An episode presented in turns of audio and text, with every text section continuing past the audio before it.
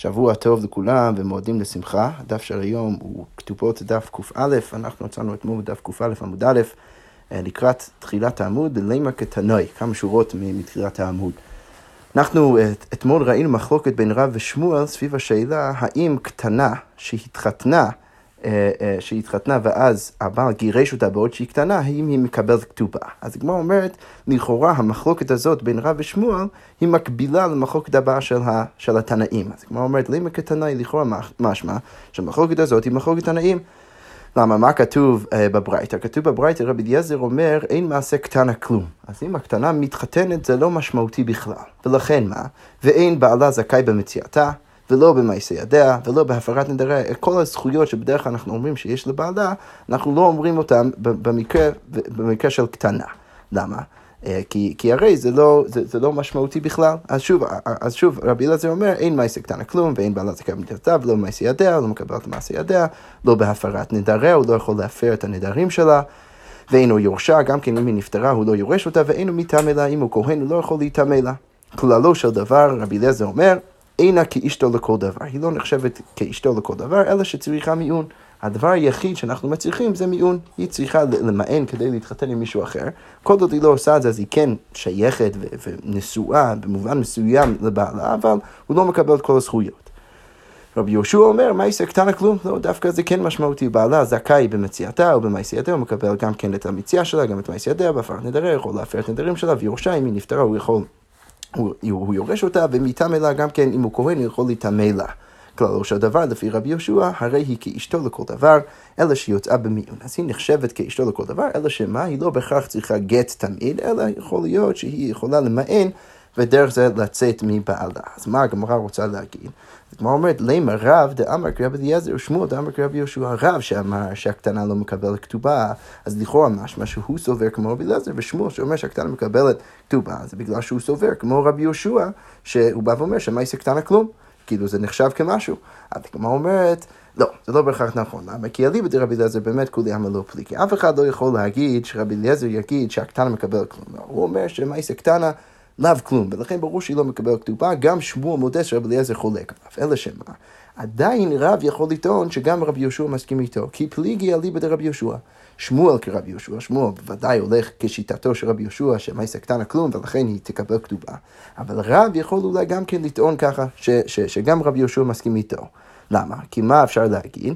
רב יגיד, עד כאן לא כאמר רבי יהושע התם אלא מדידה לדידי. זה נכון, רבי יהושע יגיד רק מדברים שהיא אמורה להביא אליו, הזכויות שהוא אמור לקבל ממנה. שם רבי יהושע אומר שהוא, שהוא לא מקבל כלום, אבל מדידי לדידה, אבל משהו שהוא חייב אליה, דהיינו, הכתובה, שם לא, שם אולי רבי יהושע לא יגיד את זה, ולכן עדיין אולי רבי יהושע יסכים עם רב שהקטנה לא מקבלת כתובה. אוקיי, עכשיו, אז בעצם לא, לא הצלחנו בהכרח להגיד שהמחלוקת של רבי יהושע ורבי אליעזר היא, היא, היא המחלוקת בין רב ושמואל, אולי עדיין רב יכול לטעון שרבי יהושע מסכים איתו. אוקיי, עכשיו אמרנו גם כן במשנה שעוד דבר ששוב שלושת הנשים האלו לא מקבלות, שזה שוב הממאנת והאיילונית וה, והשנייה, האישה שאסורה מדרבנן לבעלה, אמרנו שהן לא מקבלות כתובה וכל מיני דברים, ואחד מהדברים שאמרנו שהן לא מקבלות זה הבלעות. עכשיו בואו רק נבהיר מה זה בלעות, וגם כן נזכיר קצת רקע לפני שניכנס לחלק הבא של הסוגיה. אז קודם כל הבלעות זה בעצם סוג של בגד או משהו שהאישה הכניסה לתוך הנישואין והבעל השתמש בו, ואז יש כל מיני שאריות של הבגד. אז עכשיו השאלה מי מקבל את הזכויות האלו של הבלעות. עכשיו, כפי שאנחנו נראה עוד שנייה, הבלעות האלו יכולות להגיע ולהיכנס לתוך הנישואים בשתי צורות. אנחנו כבר מכירים טוב טוב את המושגים נכסי מלוג ונכסי צאן ברזל. שוב, בואו רק נזכיר לעצמנו, אבל מה החילוק ביניהם? נכסי צאן ברזל זה דברים שהאישה כותבת אותם, את הערך שלהם, בתוך הכתובה, ולכן לא משנה מה, תמיד הבעל יצטרך, לא, לא משנה מה קורה לערך של הדברים האלו לאורך הנישואין, תמיד הבעל יצטרך לשלם חזרה את הערך שכתבו בכתובה של הנכסים האלו, ולכן קוראים לזה נכסי צאן, בר, נכסי צאן ברזל. תמיד היא תקבל, זה, זה חזק, זה ברזל, היא תמיד תקבל בדיוק את אותו הערך שהיא הכניסה. נכסי מלוג, אז נכסי מלוג זה דברים שלא כתבו אותם בתוך הכתובה, ולכן האישה מקבלת אותם כפי שהם בסוף הנישואין. עכשיו, העוד חילוק שיש בין הדברים האלו זה שברגע שהאישה כתבה אה, אה, בתוך הכתובה שהיא מכניסה משהו לתוך הנישואין, אז זה אומר שהיא תקבל תמיד את הערך שהיא הכניסה, וזה אומר גם כן שיש לבעל יותר זכויות להשתמש בדברים האלה, למכור אותם וכולי וכולי, חוץ מזה שהוא יצטרך אז בסוף הנישואין, אם זה יקרה, הוא יצטרך לשלם לה את הערך שהיא הכניסה. עכשיו לגבי נכסי מלוג זה בדיוק הפוך. אז הבעל מצד אחד לא צריך לשלם לה את הערך שהיא הכניסה, היא מקבלת את זה כמו שהיא, מצד שני אין לו, אין לו, יש לו כל מיני זכויות שאין לו במקרה של הנכסי מלוג, לא יכול למכור אותה וכולי וכולי. עכשיו השאלה במקרה של שלושת הנשים האלו, ששוב, הנישואים שלהם נגמרים לא בהכרח בדרך הרגיל, הממאנת פשוט ממאנת בבעלה, אין פה, אין פה גט, אין פה גירושין, האילונית אנחנו בעצם מבינים שיש כאן, יש שם מקח טעות למפרע, ולגבי השנייה, יש כאן איזה בעיה של איסור דה רבנן ואולי גם כן קנס, ולכן השאלה עכשיו עולה, איך בדיוק לייחס את הדין הזה של המשנה של הבלעות. אמרנו שהאישה לא מקבלת את הבלעות. עכשיו השאלה, מתי היא לא מקבלת את הבלעות ובאיזה מקרה? האם זה, זה, זה רק בנכסי תום ברזל, האם זה רק בנכסי מלוג וכולי וכולי. בשאלות האלו עכשיו הגמרא, אה, אה, הגמרא תתעסק. אז הגמרא אומר ככה, אמר לרב הונא ברכיה לרב כהנא. אז רב הונא ברכיה בא ואומר לרב כהנא, אמרת לה משמי דשמואל, אתה, רב כהנא, אמרת לנו בשמו של שמואל, לא שנו אלא נכסי מלוג. זה שאמרנו שהאישה, אז שלושת האנשים האלו לא מקבלות את, את, את הבלעות, זה רק מנכסי מלוג. אבל נכסי צאן ברזל איתלה, אבל בנכסי צאן ברזל, אז אז, אז שלושת הנשים האלו מקבלות את הדברים האלו. עכשיו, לכאורה, הסברה הפשוטה זה להגיד, ברגע שזה נכסי צאן בר, זה כתוב, זה כתוב בכתובה, אז, אז, אז יש פה סוג של סברה להגיד שהיא אמורה לקבל בדיוק את הערך. למרות שאמרנו כבר במשנה שהן לא מקבלות כתובה, אולי כאן עדיין יש לה זכות לדברים האלו, ולכן היא אמורה לקבל את הבלעות. אבל הגמרא אומרת, לא, בואו בוא ננסה להבין באיזה מקרה בדיוק דיברנו. הגמרא אומרת ככה, הבי ברב פאפה, עכשיו פאפה שואל על החילוק הזה, שאמרנו שהאישה לא מקבלת את הבלעות רק מנכסי מלוג, אבל מנכסי צאן ברזל היא מקבלת את הבלעות. אז רב פאפה בא ושואל, היה, על איזה מקרה של המשנה אנחנו דיברנו? אידלמה הממאנת, אם אתה רוצה להגיד שמדובר על הממאנת, הרי זה לא הגיוני, למה? כי אצל הממאנת מה קורה? זה לא שאנחנו עוקרים משהו למפרע, אנחנו פשוט מנתקים את הבעל מאשתו כי היא מענה בו, ואין פה גירושין, אבל זה גם כן לא מהכתרות, זה לא איזה משהו שאנחנו עוקרים למפרע. ולכן מה? אידי איתנו, אם הבלעות, הבגדים האלו עדיין ישנם בעולם, אז אידי ואידי שקלה, אז ברור שהיא מקבלת את שניהם. למה? כי היא לוקחת את כל מה שהיא הכניסה לתוך נישואין. ואידי לטנו, ואם זה כבר לא קיים, אז אידי ואידי לא שקלה. למה? כי הוא יכול לטעון שלמרות שהיא הכניסה את הדברים האלה, ובעיקרון הוא אמור לשלם לה חזרה מהדברים שהיא הכניסה, בכל זאת הוא יכול לטעון שאני אשלם לה אם, אם אם, אני מגרש אותה, אם אני אוציא אותה מבית, מביתי, אז אני אשלם, כי זה הדין הרגיל, שבדרך כלל בגירושין אני צריך לשלם, אבל במקרה שהיא סתם מיאנה בי, אז אני לא צריך לשלם. ולכן ברור שהאמירה של הכהנא היא לא מוסבת על המקרה של, של הממאנת. הגמרא עכשיו מנסה במקרה השני, אלא אולי צריך להגיד שזה מוסב האילונית, זה מוסב על המקרה של האילונית. אבל גם זה לא הגיוני, למה? כי אידי יתנו, אם באמת הם עדיין בקיים, אז גם במקרה כזה אידי ואידי שקה, היא אמורה לקבל את כל מה שהיא הכניסה. וכאן עוד יותר, למה? כי אנחנו מגלים שבאמת הכל היה מקח תעודה, אז בעצם היא לא הכניסה שום דבר אי פעם, ולכן היא אמורה לקבל הכל. ואידי לתנו, ואם הם כבר לא בעולם, אז הגמרא אומרת, איבך מבעלי היית צריך להגיד בדיוק הפוך. שמה? שנכסי מלוג די ברשותה קיימי, הנכסי מלוג, שזה בסוף ברשותה, לבעל יש הרבה פחות זכויות, כמו שהסברנו לפני כמה דקות בדברים האלו. אז היינו צריכים להגיד שבמקרה כזה הוא חייב לשלם לה את, הנכסי מלוג בדרך שהוא ישתמש בהם, אבל נכסי צאן ברזל, ש, ש, שהיה לו באמת רשות להתעסק בהם ולמכור אותם ולהשתמש בהם, אז שהגמרא אומרת נכסי צאן ברזל דלאו ברשותה קיימי, הייתי, הייתי חושב שדווקא שם לית לה שהיא לא מקבלת. אז למה אתה בא ואומר רב כהנא שהיא מקבלת בדיוק את, ה, את, את, את, את המקרה ההפוך, היא מקבלת את הצאן ברזל ולא מקבלת את הנכסי מלוך. אז כמו אומרת אלא מה צריך לומר? אלא השנייה צריך להגיד שהאמירה של רב כהנא מוסבת על המקרה של השנייה, ששם אנחנו לא באמת עוקרים את הנישואים, אנחנו פשוט אומרים שהיא לא מקבלת כל מיני דברים בגלל קנס. ולכן איך אפשר להבין את האמירה של, של רב כהנא כמוסב על המקרה של השנייה, ששוב היא אסורה מדי רבנן לבעלה, אז הגמרא מסבירה, וכנסו רבנן לדידה בדידי, ולדידי בדידה. אז, אז, אז רבנן כנסו שמה שהיא אולי הייתה אמורה לקבל, אז היא לא מקבלת, ומה שהוא היה אולי צריך לקבל, אז הוא לא מקבל. מה הכוונה? אז, אז רש"י כותב שכנסו אותה שהיא לא מקבלת את, ה, את הכתובה שלה, היא לא מקבלת מזונו, וגם כן לא מקבלת את הנכסי מלוג. שזה הדבר שדווקא, כמו שאמרנו לפני כמה שורות, זה, זה ספציפית הדבר שהיא הייתה אמורה אולי לקבל, זה היא לא מקבל בגלל שאנחנו כונסים, והוא חייב להחזיר את מה שהוא היה אמור לקבל, הוא היה אמור לקבל את הנכסי צאן ברזל, כי היה לו רשות בעצם למכור את הדברים האלו, ובסוף, ברגע שהוא התחתן עם מישהי שאסור מדי רבנן, אנחנו קוצים ואומרים שהוא לא מקבל את זה. אז כל, כל אחד בעצם, מה שהוא היה אמור לקבל, לא מקבל, אז היא לא מקבלת את נכסי צאן ברזל, אצלך, היא לא מקבלת את נכסי מלוג, והוא לא מקבל את נכסי צאן ברזל. אוקיי, עכשיו מכל זה הגמרא אומרת, אמר רב שימי בר אשי, שמע מינה מדרב כהנא, אני יכול ללמוד מרב כהנא, שמה? שאיילה לגלימה, אם אישה מכניסה גלימה, שזה בגד, לתוך הנישואין, אז יש בעצם שני דרכ, שתי דרכים להסתכל על הבגד הזה. אפשר להסתכל על זה כקרן, שמשהו ש, שהאישה בעצם חייבת אולי למכור אותו ולקנות ממנו שדה כדי שהבעל יוכל ליהנות מהפירות, כי בנכסי צאן באזל תמיד הבעל לא יכול ליהנות מהקרן, הוא יכול ליהנות רק מהפירות. אז אפשר להסתכל על הבגד הזה כקרן, אז, אז, אז זה אופציה אחת. אופציה שנייה זה להגיד שזה כבר פירות. למה זה פירות? כי, כי יש איזשהו שימוש בבגד שהבעל יכול בעצם להשתמש בו, הוא יכול ללבוש את הדבר הזה.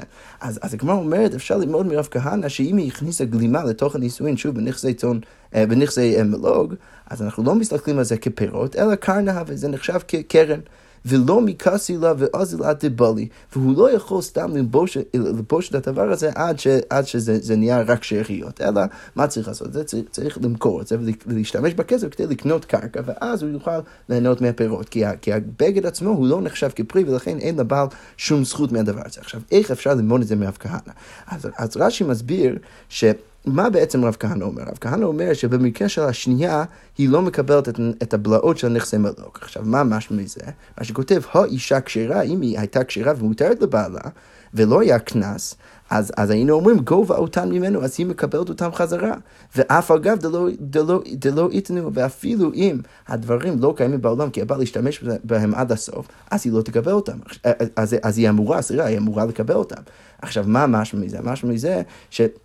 ששוב, בדרך כלל אנחנו אומרים אצל נכסי מלוג, אם הבעל משתמש בדבר הזה כמו, ש, כמו שצריך, נגיד היא מכניסה איזשהו שדה של נכסי מלוג, והבעל אוכל, אוכל פירות, אז הוא אוכל פירות כל נישואים, ברגע שהנישואים הם נגמרים, אז היא אמורה לקבל חזרה את מה שהיא הכניסה. עכשיו, במקרה כזה, האם באמת היינו מסתכלים על הגלימה כפרי, על הבגד כפרי, ש, שיש בעל, לבעל באמת רשות בדבר הזה, אז היינו אומרים שהוא משתמש בבגד כמה שיותר, כמו שהוא רוצה, ואז בסוף הנישואין היא מקבלת את מה שנשאר. זה שאנחנו לא אומרים את זה בדיוק מרב כהנא אצל אישה רגילה שהוא חייב לשלם לה את כל הערך של הבגד שהכניסה, משמע מזה שזה לא פרי שהוא יכול פשוט להשתמש בו, אלא זה נחשב כקרן. ולכן אם הוא רוצה להשתמש בדבר הזה, צריך בעצם למכור את זה, ואז... אה, ואז לקנות מזה פירות כדי בעצם, אה, סליחה, לקנות מזה קרקע ואז ליהנות מהפירות שם כדי ליהנות מהדבר הזה, במקום רק להשתמש בזה וללבוש את זה. אוקיי, אז הגמרא אומרת, רגע, איך אתה יכול להגיד דבר כזה? הרי רב נחמן לא אמר ככה, ואמר רב נחמן פירה, והרי רב נחמן אמר שזה נחשב כפרי. ובדיוק לא כמו שדייקנו מרב כהנא שזה נחשב כקרן. אז הגמרא אומרת, אין נמי, באמת רב כהנא חולק רב נחמן, רב נחמן פליגה. אז, רב כהנא חולק רב נחמן, רב נחמן חושב שזה כמו פרי, ורב כהנא חושב שזה כמו קרן. אוקיי, זה ככה סוגר את הסוגה של הבלעות. אמרנו גם כן במשנה ששלושת האנשים האלו לא מקבלו כתובה, ששוב העילונית, הממאנת ו... השנייה מדי רבנן לא, לא מקבלו כתובה. אז עכשיו הגמרא אומרת, אמר שמוע לא שנו אלא מנה 200. זה שאמרנו שהם לא מקבלו כתובה זה רק הכתובה הבסיסית, הם לא מקבלות את מנה 200. אבל תוספת יש לנו, אבל אם הבעל כתב להם איזושהי תוספת, אז הם מקבלות את זה. הגמרא אומרת, אני נמי אמרנו גם כן בדיוק אותו, אותה רעיון בתוך הברייתא, נשים שאמרו חכמים אין להם כתובה, נשים, שלושת הנשים האלו שאמרנו שאין להם כתובה, כגון הממאנת וחברותיה. זה נכון לגבי הממאנת וחברותיה. עזרא, עזרא, לא קראתי את הברייתא נכון. הגמרא אומרת, אני מלאכי נשים שאמרו חכמים אין להם כתובה כגון הממאן וחברותיה, בדיוק השלושת הנשים האלו שהבאנו במשנה, אין להם 200, מנה 200, אז הן לא מקבלות את העיקר הכתובה, את המנה 200, אבל תוספת יש להם כן מקבלות את התוספת.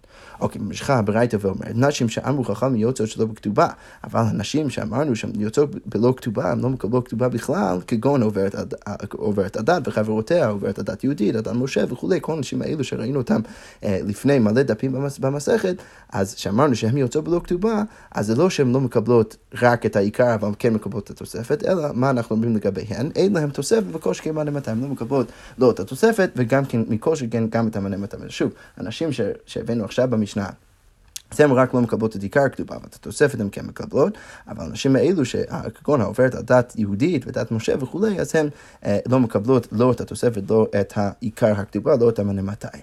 והיוצאת משום שם רע, ואישה שיוצאת משום שם רע, אז נוטלת מה שלפניה ויוצא. רש"י מסביר מה הכוונה, שהיא מקבלת אה, חזרה את כל נכסי מלוג שהיא הכניסה לתוך נישואין, וחוץ מזה היא לא מקבלת כלום. כלומר אומרת, כל זה מסייע לרב הונא, כל זה זה סיוע לרב הונא. למה? דאמר רב הונא זינתה לא הפסידה בלעותיה קיימין. שרב הונא אמר, אישה שזינתה, שזו האישה שיוצאה. משום שם רע, לא מפסידה את הבלעותיה שעוד קיימים. כל מה שהכניסה מדין נכסי מלוג, אז היא מקבלת אותם. אומר תני תנא קמא רב נחמן, אז הם שנו איזשהו ברייתא לפני רב נחמן, ואמרו זינתה הפסידה בלעותיה קיימין. אז אמרו לפני רב נחמן שאם היא זינתה, אז היא דווקא הפסידה את בלעותיה קיימין, היא הפסידה את, את, את, את מה שהיא הכניסה ברגע שהיא זינתה, היא לא מקבלת אפילו את נכסי מלוג. הגמרא אומרת, רגע, אמר לה, אם היא זינתה כליה מזנה, אם היא זינתה, מה, אתה, אתה מאשים גם כן את הכלים שלה, את הבגדים שהיא הכניסה, ברור שהיא אמורה לקבל אותם.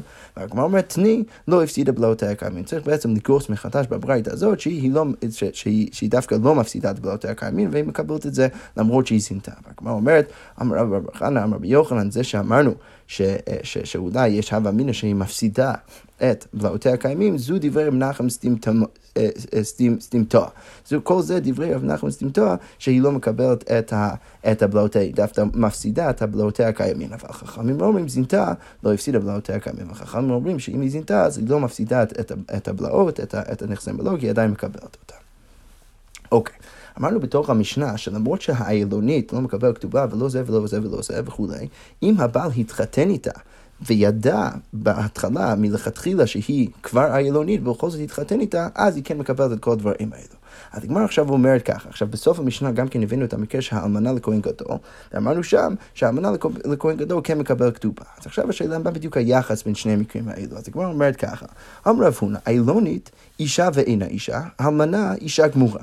אז רב הונא בא ואומר שבמקרה של האילונית יש סיטואציה שבו היא נחשבת כאשתו, אם הוא ידע שהיא האילונית לפני כן ולכן היא תקבל כתובה, יש מקרה גם כן שהיא נחשבת כלא, כ, כ, לא כאשתו, שאם הוא מגלה רק לאחר זמן שהיא האילונית, ואז זה מקח טוב והיא לא מקבל כתובה.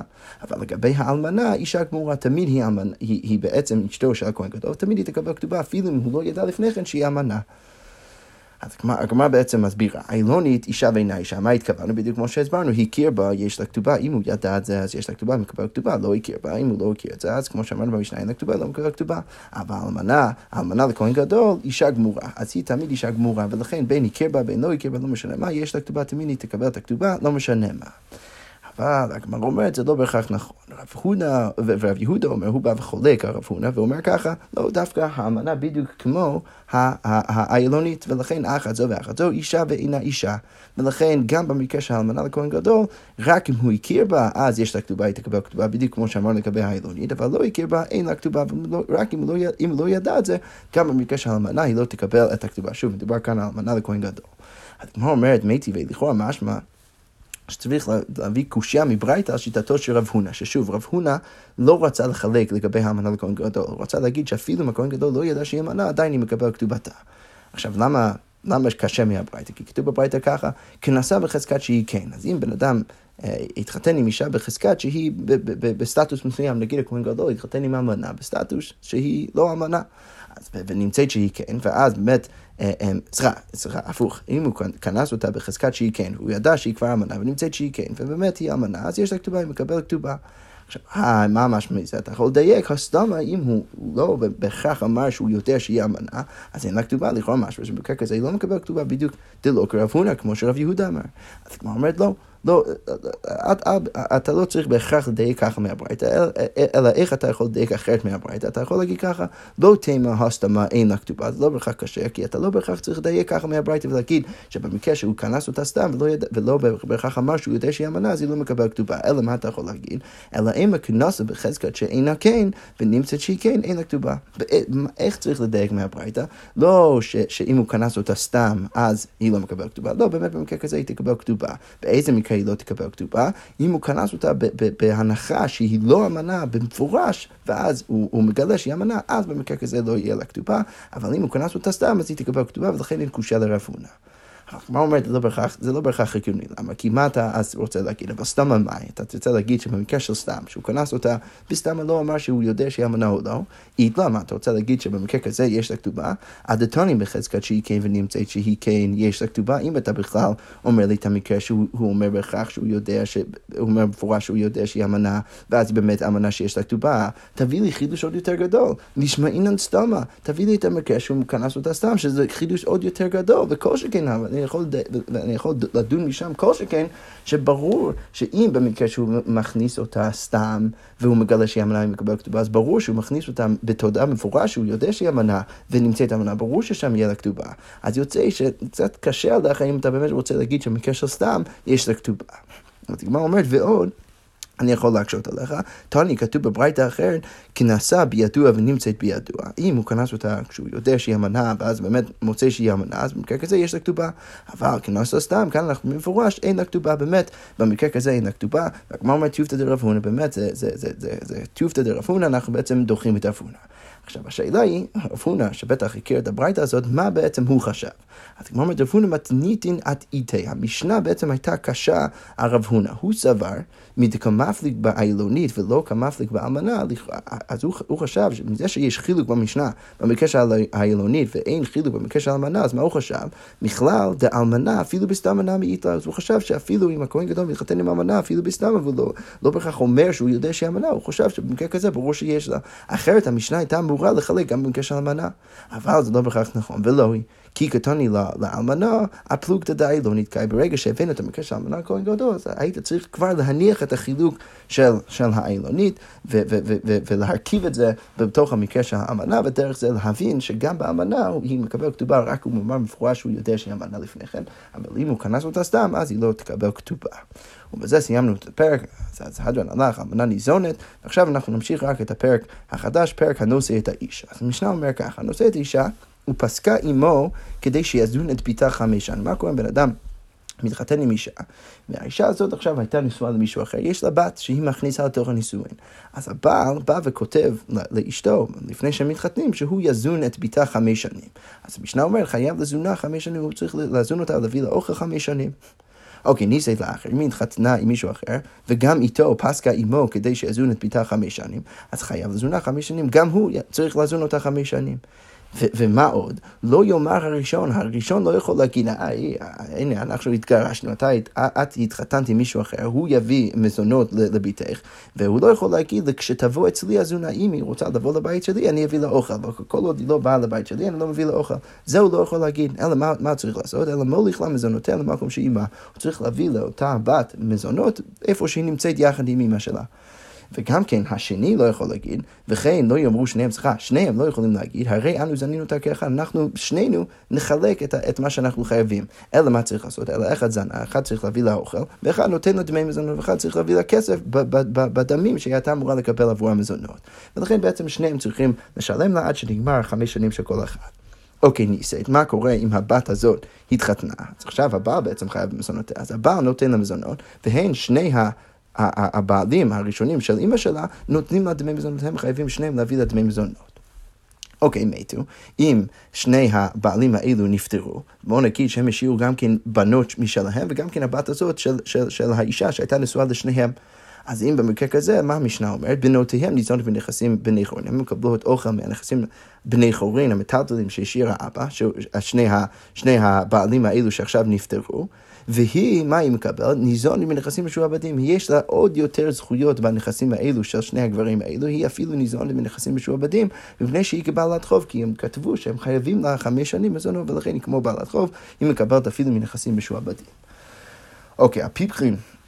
הפיכלינג היו כותבים, אז, אז, אז, אז לכן אחרי כל הדברים האלה שאנחנו בעצם רואים שהבעל שכתב שהוא יזון את, את, את ביתה של אשתו חמש שנים, אז, אז יש לו כל מיני חובות שהוא יצטרך לעשות אפילו לאחר, מת, לאחר מיתתו, אפילו לאחר שהיא מתחתנת עם מישהו אחר, אז בגלל שראינו עכשיו את כל הדינים האלו, אז המשנה מספרת לנו שהפיכלינג היו כותבים, האנשים החכמים, אם הם רצו בעצם לכתוב לבת הזאת חמש שנים מזונות, אז הם היו כותבים ככה, על מנת שאזון את ביתי חמש שנים כל זמן שאת עימי. אבל רק אם את תביאי, אם אנחנו מתגרשים ואת הולכת למישהו אחר, אני כבר לא חייב. ואם הוא כותב ככה, אז באמת הוא יהיה חייב רק עד אז ולא יותר מזה. אוקיי, עכשיו הגמרא אומר ככה, איתמר, האומר לחברו חייב, אני לך מנה. בן אדם בא ואומר לחברו, אני חייב לך מנה. אז במקרה כזה, השאלה היא, האם באמת יש לזה, יש לזה כוח באמת לחייב אותו את הדבר הזה רק כי הוא אמר את זה, או לא. אז הגמרא אומרת, בזה באנו למחלוק בין רבי יוחנן וריש לקיש. רבי יוחנן אמר חייב, וריש לקיש אמר פטור. אז הגמרא שואל, מה בדיוק המקרה? איך? היא דמי לו אתה מעידה, אם הוא מביא גם כן עדים לזה. אז למה שריש לקיש יגיד שהוא פטור? מה הייתה עם ריש לקיש דקפטר? ואי דלא אמר לו אתם מדי, ואם הוא לא אמר להם אתם מדי, אז מה הייתה עם רבי יוחנן דקמחייב? אז למה שרבי יוחנן יחייב? הרי אין שם עדים, זה לא, לא, לא אומר כלום לפני עדים, אז זה לא משנה. הגמרא אומרת, מה צריך להגיד? לעולם דלא אמר, דלא כאמר לו אתם מדי, הוא לא אמר את זה לפני עדים, אלא שמה, מה בדיוק המקרה? והלכה במה יסקינן דאמר לי חייב אני לך מנה בשטר, שהוא אמר שהוא חייב לבן אדם אחר מסוים מנה, והוא כתב את זה בתוך השטר. עכשיו, הגמרא אומרת, לכן רבי יוחנן אמר חייב, למה? כי אלימא מילתא דשטר כמאן דאמר לו אתם, עדים דמי. אז הכוח של האמירה שלו בתוך השטר זה בדיוק כמו שהוא אמר אתם עדיי, ולכן הוא יהיה חייב, למרות שאין עדים בתוך השטר. מה אומרת, יש לו כשאמר פטור, לא דווקא במקרה כזה הוא פטור עדיין, למה? כי לא אלימא מילתא דשטר, כי לא משנה שהוא כתב את זה, זה לא, לא נותן לזה יותר כוח, ולכן הוא עדיין פטור. אז כמו אומרת, תנן, בואו ננסה אולי להביא ראייה מהמשנה שלנו. כתוב במשנה, הוא נושא את האיש ופסקה עמו לזון את ביתה חמש שנים. בן אדם התחתן עם מישהו, וכמו שראינו, הוא כתב שהוא יביא לביתה חמש שנים אוכל. אז מה כתוב במשנה? חייב לזונה חמש שנים. אז כמו אומרת, מה אליו כי גם לכאורה משהו, זה בדיוק כמו שאמרנו, שמה? שהוא כתב סתם באיזשהו שטר, בלי עדים, בלי כלום, שהוא יזון את ביתה, ואנחנו אומרים שיש לזה תוקף שהוא באמת חייב, כנראה שזה משמע כמו רבי יוחנן, לא כמו יש לקיש. אז כמו אומרת, זה לא בהכרח נכון, כי מה אפשר להגיד? שמדובר כאן, לא, הגמרא אומרת, בשטרי פסיקתא וכתרב גידא, זה, זה, זה בתוך השטרות פסיקתא, פסיקתא, כמו האמירה של רב גידא. עכשיו, מה בדיוק המקרה של רב גידא? אז כמו אומרת, דאמר רב גידא לאמר רב, רב גידא לאמר בשם רב, כמה אתה נותן לבנך כך וכך, כמה אתה נותן לביתך כך וכך, עמדו וקידשו קנו, הן הן הדברים הנקנים באמירה. אז מה שחשוב להבין, כדי להבין את האמירה כאן של רב, וגם כן את התירוץ של הגמרא, צריך להבין ברקע, שבדרך כלל כשמתחייבים למשהו, אז צריך לעשות איזושהי פעולה של קניין שבעצם מראה שאתה מתחייב לדבר הזה. חוץ מהמקרה הבא. רב בא ואומר במקרה, ש, שאפילו במקרה הבא שלא עושים קניין, עדיין זה, זה משהו שנקרא דברים הנקנים באמירה. אפילו האמירה זה כבר מחייב. עכשיו, מה בדיוק המקרה של רב? שכששני אנשים, גבר ואישה, באים להתחתן, אז שני האבות של הגבר והאישה באים ביחד, וכל אחד בעצם כותב ואומר כמה הוא ייתן והוא יכניס, כמה כסף הוא יכניס לתוך הנישואין.